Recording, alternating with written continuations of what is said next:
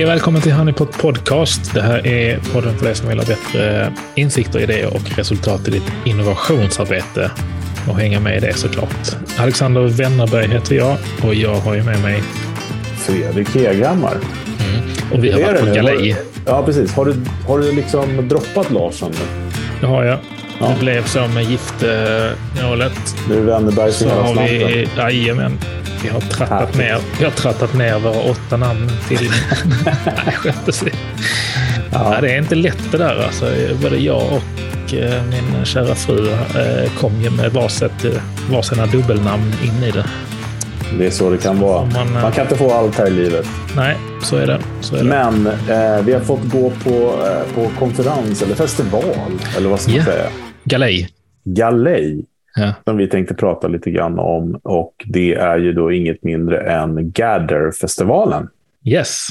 Eller Gather-konferensen. Den är uppdelad i lite olika delar nu för tiden. Men eh, lite bakgrund till den här. Eh, Jakob Gradin som eh, driver trädgården där under bron. Och numera mm. också Eden. En eh, så kallad nattklubbskung kan vi säga.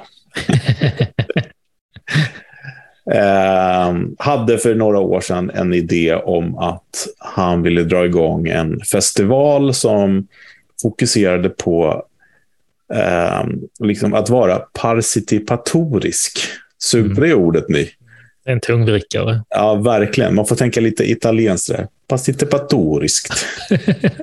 Eh, vilket då betyder delaktighet, att man gör grejer tillsammans. Han tyckte att det var väldigt mycket att folk står och pratar och eh, blir inspirerade, men det finns liksom ingenting, i, i, liksom inget forum där man även kan ta tag på det. Nej. Um, och då bjöd han in massa folk uh, som fick vara med och forma fram det där. Och jag var en av dem. Och det var liksom högt och lågt med deltagare. Alexander Bard var med ett tag. Han, han tyckte att det var lite för lite participatoriskt på slutet när vi liksom började paketera det och göra det. För att det han, han tycker ju liksom är Burning Man är sådär. Man åker ut och man bygger ordning massa saker i, i ö, på ö, öknen i Nevada. Liksom, och sen så eh, rivs det sen. Typ, man samskapar och sen så är det borta sen. Liksom. Ja, jag är så delad till Burning Man. Jag har aldrig varit där, så jag ska inte... Nej, och jag tror inte att det är någon... Eh, det vore häftigt såklart, men mm. jag tror inte att eh, det lilla jag vet om det är, känner jag direkt att det är ingenting för mig. Förutom det här med att skapa och fantastiskt. Jag har ju sett bilder och videos därifrån. Det ser helt magiskt ut, men eh, mm. nej. Men Gather i alla fall eh, föddes utifrån den tanken. Och har sedan dess, då, det här måste ha varit fem, sex år sedan, så har det här tror jag var tredje, eller nej, fjärde var det nog det här. Tredje eller fjärde. Ja, något sånt. Med de, de körde en digital variant under covid också. Ja, men covid, precis. Det stannade av lite grann där. Och innan så låg det också då på Nobelberget där, Sickla. Och ja, okay. det kretsade väldigt mycket kring det området, Nobelberget, för de var liksom med och prototypade och gjorde grejer där. Och, mm. och eh, jag var som sagt med i början där, eh, men sen, och sen så upplöstes lite grann den där konstellationen, och, eh, men vi var med som eh, vi föreläste och gjorde workshops, eller sprintar då. Så att det var det så att man kunde gå och lyssna på en föreläsning, inspiration, och sen så eh, gick man och gjorde någonting av den så att säga på plats. Mm. Eh, och på de där tidigare så har det varit också, men också även i år, väldigt mycket fokus på stadsplanering. Det tycker jag är rätt häftigt. Jag tyckte det, jag tyckte det var väldigt liksom, talande för eh, den här. Det, det är första gången, ska jag säga, att som jag är på Gather, eh, mm. faktiskt. Eh, men jag, jag, tyckte det var häftigt just hur, hur mycket man pratade om eh, alltså framtidens, framtidens städer för människan och medborgarna. För jo, men... det är så mycket som kretsar kring det, oavsett om det är företag eller hållbarhet eller eh, affärer liksom, eller eh, levnadsstandard eller välmående eller vad som helst. Det är jättemycket som kretsar kring hur man designar en stad, hur man designar ja, men all, all, allting hamnar i stan också till slut. Mm. Det är det som är det som är så häftigt. Men i år då så hade man ju lite olika teman eh, som man liksom byggde upp programmet kring. Och så har de alltid haft det lite grann. I år så var det Cities, cities and Societies. Det var första. eh, temat. En annat var economy och transaction. Det var, eh, och eh, City and Society handlade mycket om ja, men stadsplanering kan vi säga och utanförskap, gentrifiering, sådana såna saker handlar det om. Eh, det var mycket, ja, det blev ju mycket politiskt prat eftersom vi precis haft valet. Då, då. Ja, det är svårt att undvika när man pratar om liksom, städers uppbyggnad. Alltså, mm. Det är mm. ju väldigt mycket. Absolut. Politik, det behöver inte bli partipolitik, men det är ju politik hur man än vänder och vrider på det. Ja, precis. Eh, och ekonomi och transaktioner handlade mycket om kryptovaluta såklart, NFTs etc. etc. Sådana saker där. Mm. Eh, vi hade då media och kreativitet, eh, eller media creativity, som var ett ja, ämne som Eh, var också NFTs då, då såklart. Hänger både ihop i transaktion och då uttryck. Eh, det var mode och sånt. Och man ska väl säga också att Gather har ju då eh, också en musikdel, lite grann som South by Southwest. Så, där, så att man har ju liksom Gather Noise och Night också, då, som det heter. Men det här var konferensdelen. då. Eh, så har vi då demokratis, eh, dem, Democracy och Power som handlade liksom också, går ju väldigt mycket ihop med society och, och, och sådär. Men eh, mycket pandemi eh, och sådana saker såklart. Det blir, blir inte så konstigt med det. Eh, utbildning och sånt, lifelong learning. Vi har humans and machines. Det tyckte jag inte var så mycket av. Eh, det var lite... Eh, nej, det var inte så mycket human and machine, eller hur? Nej, det var väl att det, eh, eller det, jag tyckte det kom sådär tendenser till det i vissa saker. Mm. Um, alltså när man pratar om spekul spekulativ design och så vidare. Hur, Exakt. Lite grann sådär. För det var väl våran takeaway lite grann mm. från det där. Och vi, vi, kanske kan komma in på det. Men det här mm. då programmet som gjordes eh, utifrån det här då, så var det ju fantastiska talare och sånt. Jag ska inte säga, vi var ju också en av dem. Men det var ju allt ifrån att man pratade om allt ifrån memes till uh, sustainable behavior. Uh, spekulativ design, då, som sagt var. Crypto with a cause. Vad har vi här? Innovation leadership. Um, uh, hur, how will policy impact design? Och sen så fanns det också då, ja, metaverse såklart. Eh, pratar de om eh, lite grann. Eh, democracy, hur man gör val och trust och såna här grejer. Och hur man rewriting the law. Det var den här eh, Amanda Nagen, tror jag det stavas, eh, uttalas, som eh, var med om något övergrepp som påverkade lagen om det. Mm. Eh, vi var ju med och jobbade kring eh, The Future of Work, Leadership och Organizations. men den tyckte jag var, jag tyckte den var superintressant. Du körde tillsammans med Judith Wolst och Asra eh, ja. Osman Sevic. Eh, jag tyckte det, alltså det inleddes ju med korta keynotes från er tre och sen en paneldiskussion däremellan. Eh, och sen en masterclass av dig. Ja, men precis. Och jag, efter den så höll jag masterclass om the power perspectives. Och det är det mm. som vi har pratat om i podden förut. Eh, och sen efter den så var det då en masterclass i spekulativ design som det heter. Och mm. då ganska mycket fokus på det här Black Mirror.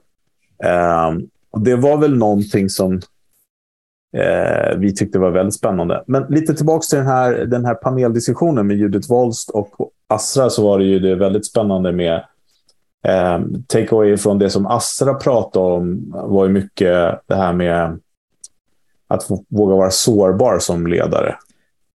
Ja, jag tyckte det, det jag, jag vet inte om hon har missionerat det tidigare, men eh, om inte så myntades det i alla fall ett nytt eh, begrepp där. Jo, men hon hade skrivit en artikel om det som hon hade blivit helt nerbombad med eh, folk som hade hört av sig och sånt och tyckte det var ja. spännande.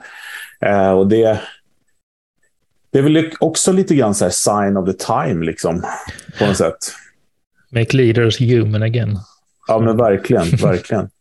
Eh, och Judith pratar ju om eh, olika tekniska, webb 3.0 bland annat. Hon pratar ju självklart om mm. krypto. Ja, Bitcoin eh, NFT-världen. Liksom. Ja, och DOA. Vad är yes. en DOA? DOA eh, står ju för Decentralized Autonomous Organization, va? om jag inte är fel mm. på det. Och det innebär helt enkelt att det ska vara en, eh, vad det heter, en decentraliserad, självgående eller autonom organisa organisationer, alltså ett nytt sätt att organisera företag på, kan man verkligen säga. Mm. att det, sen är jag lite, ska jag erkänna, lite förvirrad över vad det faktiskt innebär. Utöver att det är ett företag med en massa frilansare, vilket ungefär känns som. Ja, men det är ju det egentligen. Men om jag säger så här, eh, jag är också lite förvirrad över vad som skiljer det mot hur man har jobbat tidigare kanske. Men om det begreppet hjälper till att man jobbar mer så, så är jag 100% för det. För jag, jag tycker att det är väldigt alltså det är ett bra sätt att jobba med att ta in olika perspektiv tillfälligt för att tillsammans lösa komplexa utmaningar. Liksom det är hela vår eh, filosofi och livsstil, som, eller, liksom, eller vår tro på varför vi gör det vi gör. Ja, begrepp och ramar hjälper ju till liksom att Jo, men det är väl, jag tror, tanken med DOA är väl också att tekniken då är den som möjliggör mm. att det här går att jobba på det här sättet. Mm. Liksom. Eh, inte bara med att man jobbar med video, men också vem som får betalt, rättigheter mm. och sådana saker. Så det är ju ett fantastiskt grej och det här är ju någonting som jag tycker eh, musikbranschen, nu var inte vi där på den här eh, musikdelen, när de pratade väldigt mycket om det här med rättigheter och sånt, eftersom den mm. världen har ju liksom också vänts upp och ner nu när man helt plötsligt kan börja mäta och och liksom eh, ja, använda blockchain till, till exempel för att jobba med rättigheter och royalties och sådana saker. Men om man tänker sig en DOA. Det jag ser framför mig direkt är ju eh, ett musiksamarbete. Typ med mm. musiker som sätter ihop en grupp och skriver musik. Alltså det, det, det är som mm. urtypen av DOA. Och då, mm. att det finns då teknik som ser till att den som bidrar får också en del av kakan är ju fantastiskt om det funkar. Ja, men, och det bygger väldigt mycket på att, eh, som du säger, på den tekniska grunden om att allting blir, allting blir spårbart mycket enklare. Annars ja, blir det extremt precis. svårt att göra det. Exakt. alltså, ja. Sen är det väl som alla de här nya begreppen och nya formaten hit och dit. Att en uh, DOA utan någon som tar ledarskap och ser till att saker och ting blir gjort. En struktur. Mm. Mm det känns ju som ganska miss, misslyckad, eh, enligt mina erfarenheter i alla fall. Ja, och det är det som vi måste ta hit, vi kanske får ta hit eh, eh, Judit och, och snacka lite Doa då. Ja, men absolut, det ska vi göra. Uh, Judit är fantastiskt duktig och uh, en otroligt härlig människa, så det ska vi absolut göra. Uh, och ni som inte har hört Judit Wolst prata, uh, se till att göra det tycker jag. Verkligen. Det är trevligt. Astra hade ju tio budord då på den här, vad man mm. skulle tänka på som ledare. Jag fastnade ju på den där empatisk, men det handlade om the lifelong learning och det handlade mm. om empati och det handlade om våra, våga vara sårbar, ha kul. Vad var det mm. mer? Um, ja, vad var det fler för några saker? Jag fastnade också väldigt mycket just för det här med alltså den, det emp empatiska. Jag, jag är ju av den fasta tror att empati är eh, affärskritiskt. Ja. eh, för att jag tror inte att eh, jag tror inte det går i framtiden med de här liksom, eh, gå över lik och eh, liksom, ytorna eh, på, det, på det sättet. Så jag, det, jag gillar det hela. Jag gillar att det, det känns som att vi är i, i, i lite av en transformation. Man, ja, kanske. Ja, man, man hoppas det. Man hoppa, mm. Jag hoppas det också. Men, um, och Det kanske hängde upp lite grann om det som jag valde att prata om på den där keynoten. I och med att jag skulle göra en, masterclass direkt efter så var jag tvungen att prata utifrån ett annat jag vill inte prata för mycket om det jag skulle göra sen på masterclassen helt enkelt. Men det är väldigt svårt att beröra eftersom ni som lyssnar på podden här vet ju hur, hur mycket vi och framförallt jag tjatar om det här med olika perspektiv och hit och dit. Men jag valde att utgå från Nostet-modellen lite grann. Eh, och också då prata om eh, den här boken som Kjell A. Nordqvist och eh, vad heter Schlingman har skrivit. Som heter Momentum, heter det va? Momentum tror jag. Eh, och den handlar ju lite grann om, eh, ja men egentligen som hänger ihop med det här med att vara sårbar och empatisk hit och dit. Så, så pratar de om att i och med pandemin och krig och sådana saker nu och, och också det här medielandskapet vi har såklart, att vi vet allting hela tiden och liksom eh, det blir så nära, så är den globala spelplanen tillfälligt stängd, som de säger, eller lekplatsen säger de till och med. Eh, och vad menar de med det? Jo, men om man tänker sig fram till nu så har det varit så att man bygger upp företag och, och sånt baserat på att man kan köpa det i det landet och det i det landet, ha lagret där och man kan göra det där. Det liksom finns, gräns, det finns inga gränser riktigt längre i, när man skapar en organisation eller någonting. Och det där har ju ruskats om ordentligt nu med kriget framför allt. Eh, kanske mer med kriget än pandemin. Eller bara när den här båten satte sig på tvären i, i kanalen där, det här fraktfartyget. Ja, helt otroligt alltså. Att hela världen stannar, liksom. Ja. När inte komponenter och, och, sånt kommer fram. Och de menar på att vi kommer skapa något som de kallar för oligoner, som, betyder, eh, som kommer från grekiskan oligon, som betyder några få. Det vill säga mm. att vi kommer liksom skapa ja, men vi kommer bli mer lokala helt enkelt. Och, och de menar inte att Sverige bara ska jobba i Sverige, utan eh, de ser till exempel att EU kanske är en oligon. Liksom, och, och, och sådär. Att man liksom kommer verka, försöka verka mer lokalt och mindre globalt, just för att man ska bli mindre sårbar. Och liksom hela den här debatten nu med gas och olja och energi och sådana saker stödjer den. Då, då. Det som är lite läskigt är väl förstås då att att man kanske inte ser förbi sitt, e-, sin egen oligon, så att säga. Nej, men det är det som jag tycker är så intressant, för att jag, jag ser så stora fördelar med det här också. Um, jag, jag, jag, tycker väldigt mycket om tanken på den globaliserade världen och att man liksom har tillgång till världen som spelplan. Mm. Um, samtidigt är det så här också att det är rätt intressant att vi har, vi har pratat ganska länge om, alltså, eller det har varit för allmän vetskap ganska länge. Att det sättet som många har byggt upp företag och logistikled och produktionsled i mm. inte är hållbart varken ur ett klimatperspektiv eller ett människoperspektiv. Nej. Eh, på många plan. Och att det då ska till eh, liksom um, en pandemi och ett, ja, men det ska, krig. Det ska till, det ska till liksom att, att man börjar känna sig rädd för att levnadsstandarden ska minska. Liksom. Ja. Eh, för att det ska ske. Liksom. Ja, men det är väl människan i ett nötskal. Lite ja. grann så. Men det positiva med det som händer, menar de på, och där håller jag med dem till 100 procent, är att i kris så blir vi väldigt kreativa. Mm det är då innovationerna börjar komma, när vi verkligen behöver tänka till, när vi behöver lösa saker och ting. Och mm. Ett exempel, då, vi har pratat om det i podden förut, men det var ju liksom när ja, men, coronavaccinet eh, såklart, mm. som togs fram på så kort tid. Då, då.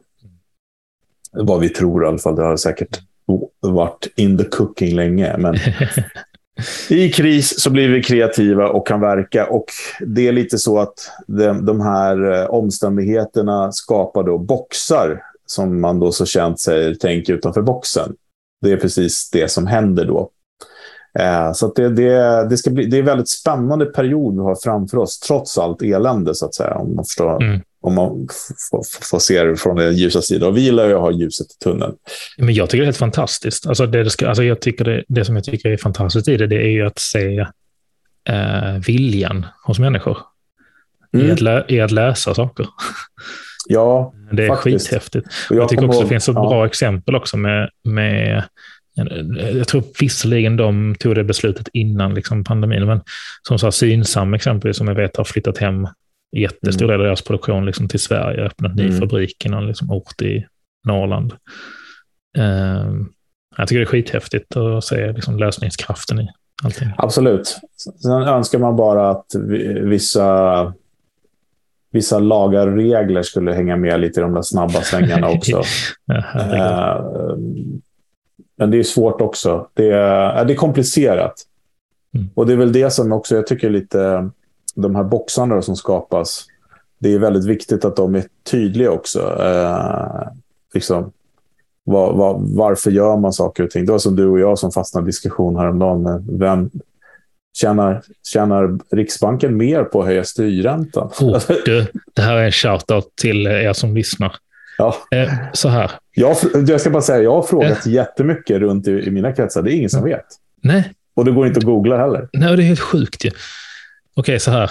Mm. Här kommer veckans utmaning till dig som lyssnar. Ja, vi tar den istället för Aseby. Och, ja, om vi har några nationalekonomer. Inte har kunnat ringa in idag. Ja, exakt, så vi, det här får bli uh, stand-in. Ja. Veckans utmaning från uh, Alexander Wennerberg. Uh, Riksbanken har ju sin styrränta som de sätter. Eh, och sen sätter ju bankerna i sin tur en låneränta på bolån eller banklån eh, ut mot eh, eh, privatpersoner eller låntagare och, och marknaden. Eh, nu är det ju så att, eller jag har ju uppfattat det så som att marginalen för banken är ju skillnaden mellan vad Riksbanken har i ränta och vad banken tar ut mot eh, lånekunden. Mm. Men om Riksbanken höjer räntan från 0% till 2 innebär det då att banken betalar 2% för att låna pengar? Och vem betalar de dem till? Var hamnar de 2 procenten i ränta? Och jag har halvat svaret, men vi låter folk höra av sig istället ja. kring det. Hör av er med det. Jag, jag, jag, jag, låter dummare än vad jag är, men det är ingen som har svaret på det här. Jag kan säga att jag har pratat med ganska många om det där som du och jag pratat om. Det är ingen som har svaret på det där. Så det är, nog, det är nog ganska allmän, allmän dummat i sådana fall. Men det är någonting vi bara accepterar när vi hör. Ja, för det är ingen som ifrågasätter att så här, nu har riksräntan eller så här, reporäntan höjts. Den har, nu har den eh, dubblats. Okej, okay. och, och var hamnar de pengarna då? Ja, och är det ens pengar? Och är det ens pengar? ja. alltså. Shit. Men du, tillbaka till Gather lite grann. Ja. För att eh, någonting som vi, eh, vi båda två, eller alla tre, alla fyra av oss som var där från, mm. från Hives, då, förutom mm. att det var väldigt kul att göra masterclassen och vi hade bra frågor och, och ett eh, härligt klimat så var det ju det som var efter som var då den här spekulativ design då. Med en kille som heter Casey. Mm. Eh, vad var den hette efternamn? Jag kommer inte riktigt ihåg. Judets, eller Hudets. Okej, okay, ja. Casey Judets. Precis, H-U-D-E-T-Z. Otroligt bra föreläsare. Ja, eh, och han pratade då om Black Mirror och The Power of Spe Speculative Design. Och Black Mirror är ju då den här tv-serien på mm. Netflix. Tv-serie på Netflix. Netflix-serie, ska jag säga. um, som visar då en framtid när teknologin är uh, väldigt närvarande, kanske ibland alldeles för mycket närvarande. Det, jag vet, ni som inte har sett den så är det liksom, man, man tar till exempel social media och bara drar det till sitt liksom, yttersta i form av, eh, precis som man gör i Kina, att man sätter poäng på varandra och vad händer då och hit och dit. Eller, eller att man stoppar in ett chip i huvudet så man kan dra tillbaka minnet och se liksom, så här, vad händer där och hit och dit. Och, eh, om någon dör så kan man få en exakt kopia. Med, ja, men massa sådana grejer. Och, och spekulativ design då, då handlar egentligen om att pro, pro, vara prov, pro, inte proaktiv, utan provocera. Ska vi säga. Eh, provocative, helt enkelt. Att man liksom så vill måla upp och visa framtiden. Hur det skulle kunna bli för att vi inte ska gå dit. Eller hur? Ja, precis. Och det är ju det som är, alltså, det var det som var kopplingen till Black Mirror också. Att det var ju ett perfekt exempel på spekulativ design med väldigt hög budget. Mm. Men, men eh, där man målar upp just så här, ja, men, vill vi ha ett samhälle där man lever så här? Mm. Att man liksom kan måla upp hela bilden kring, ja men det, det myntade han ju också. Han sa ju prototype. Prototype, precis. alltså en provocerande prototyp, helt enkelt. Men det, alltså man... det är ganska roligt att man kan titta på eh, hur långt det här med spekulativ design, om man säger att Bibeln är ju är ju mm. spekulativ design och uh, det yttersta. Man målar upp mm. en bild av helvetet eller himlen liksom, som man ska mm. gå till. Eller, eller en annan. Eh, filmer är ju överlag, så här, ta Star Trek till exempel, som har inspirerat mm. så otroligt många tekniklösningar som vi har i världen idag. Det är också spekulativ design. Liksom. men det är häftigt hur det kan trigga, det är häftigt hur det kan trigga action. Alltså mm. hos människor i att måla upp alternativa möjliga framtider mm. och få folk att börja tänka på så här, vill jag ha det så eller vill jag inte ha det så? Precis. Och, jag, och sen börja agera på det. Och, och, jag har ju själv, jag har faktiskt själv föreläst om det där. Jag pratar om fiction of science eh, istället för science fiction. Mm. Eh, och jag märkte det, för att, ja, det har tjatat om det förut, men det här ljuset i tunneln. När jag har föreläst om spekulativ design så har jag pratat om fiction of science och pratat om positiva saker. Mm. Men det han gjorde var ju, han visade ju upp de här negativa sakerna. Mm. Och de här två exemplen som jag fastnade för, där han liksom förklarade vad, vad det här prov, prototyping och då spekulativ design när man då använder det för att provo eh, provocera liksom, fram andra beslut. Så att säga. Det var den här döds, när man låg på dödsbädden. Mm. Så hade de gjort en så robot eh, som så här skittaffligt så här, klappade din hand så för, och sa så här, din familj kunde inte vara här. Och den där tänker man så här, ja, inte så bra grej. Så där skulle man ju inte vilja dö. Och då är det ju menat då att så där vill vi inte ha det. Och när man får se det svart på vitt så bara shit, så där vill vi inte ha det. Liksom. Och det då ska börja trigga beteenden som gör att vi börjar skapa ett mänskligare samhälle igen och så vidare. Alltså, Exakt. Ja. Och den andra var ju den här estländaren som hade gjort den här dödsloopen, eller vad den hette, så här, så typ mm. en modern ättestupa. och för er som inte vet vad en ättestupa är, så är det förr i tiden så när människor blev gamla och eh, inte bidrog till eh, byn längre, då körde man ut dem för ett berg. Eh, vi, vi, hade ju en del sådana ättestupor i Sverige här och där. Um, helt, helt logiskt. Alltså. Men då, det här var då, han hade designat en, uh, tesen var att om man ändå ska dö så kan man ju dö med ett skratt eller vad det nu var. Så han hade gjort en sån roll, alltså en berg dalbana mm. Som var en ordentlig jäkla första loop då, som han hade då rent matematiskt och helt korrekt räknat ut att om man då tar den här loopen så kommer du dö av G-krafterna mer eller mindre. Mm eh, och det var en jätteloop i början och sen var det tre små loopar. För att om du, om du då skulle av mot förmodan överleva den första så tar man koll på de, på de tre sista. Och det här var ju bara för att då eh, jag provocerar fram en debatt om dödshjälp helt enkelt. Mm. Så det är väldigt spännande. Ja, och man kan använda det, alltså, nu, nu är det här helt extrema exempel, men, men man kan använda det på så många olika sätt genom att måla upp liksom, för eh, sitt team eller sitt företag eller sin produkt eller sin tjänst eller vad som helst alternativa möjliga verkligheter. Ja, men det är så jag har jobbat en, med det tidigare. Ja, det var det, kan det vara negativa för... eller positiva. Ju. Ja, men framförallt ja. positiva tycker jag. Ja. Så här. Mm. Vad är vårt, vad är vårt eh, företag om hundra år? Göra en hundraårsplan. Det, mm. det var ju någonting, jag kommer, kommer ihåg att vi pratade om det i början. Mm. Mm. Det är också så häftigt att man liksom tvingar sig, vad gör vi om hundra år? Liksom? Mm. Vi har ganska många bolag som har funnits i hundra år i Sverige, vilket är helt, mm. helt fantastiskt egentligen. Men liksom, visste de att de skulle typ vara liksom telekombolag och uh, ha satelliter och trådlösa. Det, hade de ju omöjligtvis kunnat gissa när de startade då för hundra år sedan. Det är skithäftigt om man tänker på det. Verkligen. Så att sådana där, eh, vad hette det, experience centers som det mm. kallas lite grann sådär i, i de kretsarna är ju ganska, där man jobbar med spekulativ design och är skithäftigt faktiskt.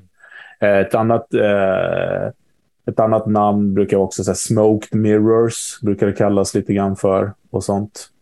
Eh, och just namnet Black Mirror kom ju från då de här, alltså när man stänger av datorn eller telefonen så blir det en svart skärm. Det, det hade inte ah. jag tänkt på att det gjorde, men det var ju där, därifrån det namnet kommer. Ja, vad sjukt. Jag har inte tänkt på det.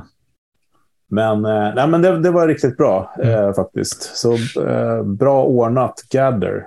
Verkligen. Och du, en annan eh, som jag tyckte var eh, intressant. Och den är mest intressant för att jag inte förstår mig på det riktigt själv. Men eh, man pratade om metaverse. Mm. Eh, Ida Schimmer, eller Ida Kimmer, jag vet inte hur man uttalar hennes efternamn. Mm. Men henne, ska jag, henne skulle jag vilja ha med i podden också, prata metaverse.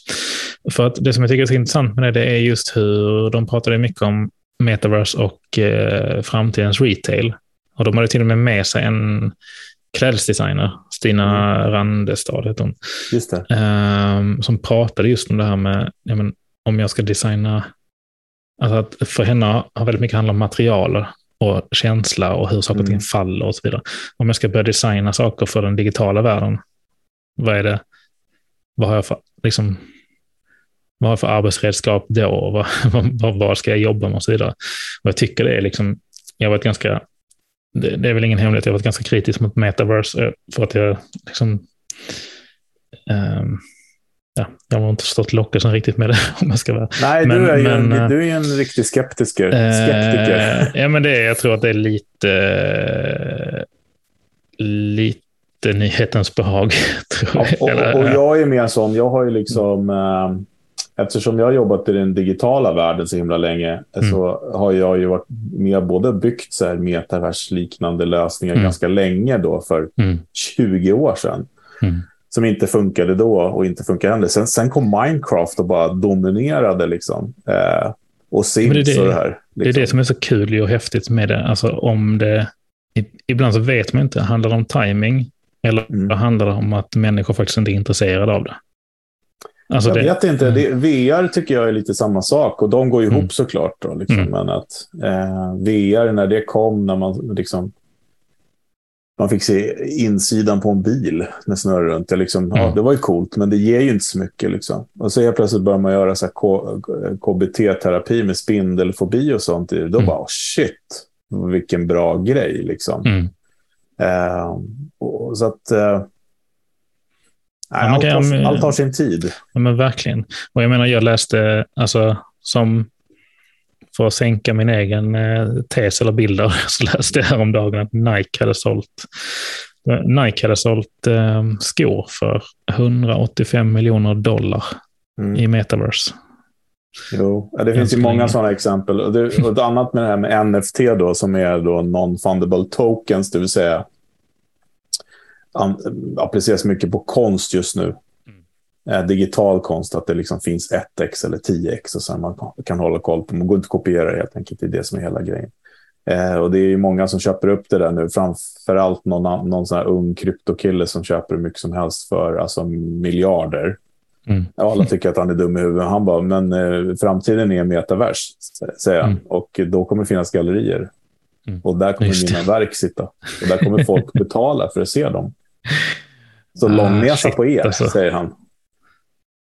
Nej, jag ser fram emot att följa det. Så jag tycker sånt är mm. skitspännande faktiskt. Jag, jag, ser fram emot att bli motbevisad också. Precis, men jag tror, jag tror det som du och jag har pratat lite grann om, skeps, skepsismen i det hela, det är liksom så här, man har någon avatar som ser helt så här skitkackig ut, mm. som springer runt i någon så här psykedelisk svampvärld, liksom. Mm. Som ska, allting ska vara så roligt och sådär.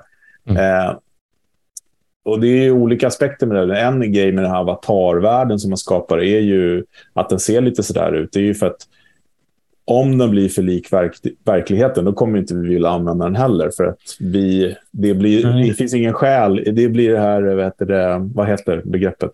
Eh, uncanny valley. Ja, ja, ja precis. Mm. Det här med att vi programmerade att hålla oss borta från döda ting och tyvärr så 3D-animerade mm. människor eh, har inte, säger man, själen i ögonen mm. och därför tolkar vi det som ett dött ting och vi vill inte vara nära det. Så att ett metaverse där vi ser ut precis som vi själva gör på verkligheten kommer aldrig funka. Nej, sätt, utan... Nej det är därför man måste ha en distans till det. Alltså det, ja. det, och det, är liksom, eller det är därför man måste ha en distans till... Eh, man måste skapa en distans i utseendet till verkligheten. Ja, precis. Och mm. då, då kan man titta på en sån här film som The Irishman och bara, åh, fan vad dåligt det är gjort. Liksom så här. Äh, det är med flit för att vi mm. inte ska sitta och må illa när vi tittar på det. Helt. Mm. Men eh, det har vi pratat om i tidigare avsnitt också. Ja, vi. det har vi gjort. Eh, men eh, vi fick med oss en annan grej också, som vi ska mm. bara lägga ett frö. Eh, för att nästa vecka så ska vi prata om... Vad ska vi prata om då, Alexander? Eh, då ska vi prata om eh, signals, eller signaler. Signaler. Mm. Och vi lämnar det där tycker jag. En cliffhanger. Det gör vi. Förklarar inte vad det är, utan det gör vi i nästa avsnitt. Men det fick vi med oss också från, eh, från den här Caseys föreläsning. Exakt. Det blev väldigt, väldigt intressant. Ja. Mm. Men eh, ska vi säga så för idag då? Eh, ni som inte var på Gather, eh, se till att gå nästa år. Ja. Det, det, det är en bra grej. Och häng med oss nästa tisdag, då ska vi snacka signaler. Jajamän. Vad nu det är för någonting. Ja. Och då tror vi att eh, Aseby är tillbaka med sin telefon. Det är han garanterat. Ja. Skitbra. Vi ses. Ha det bra. Hej. Hej.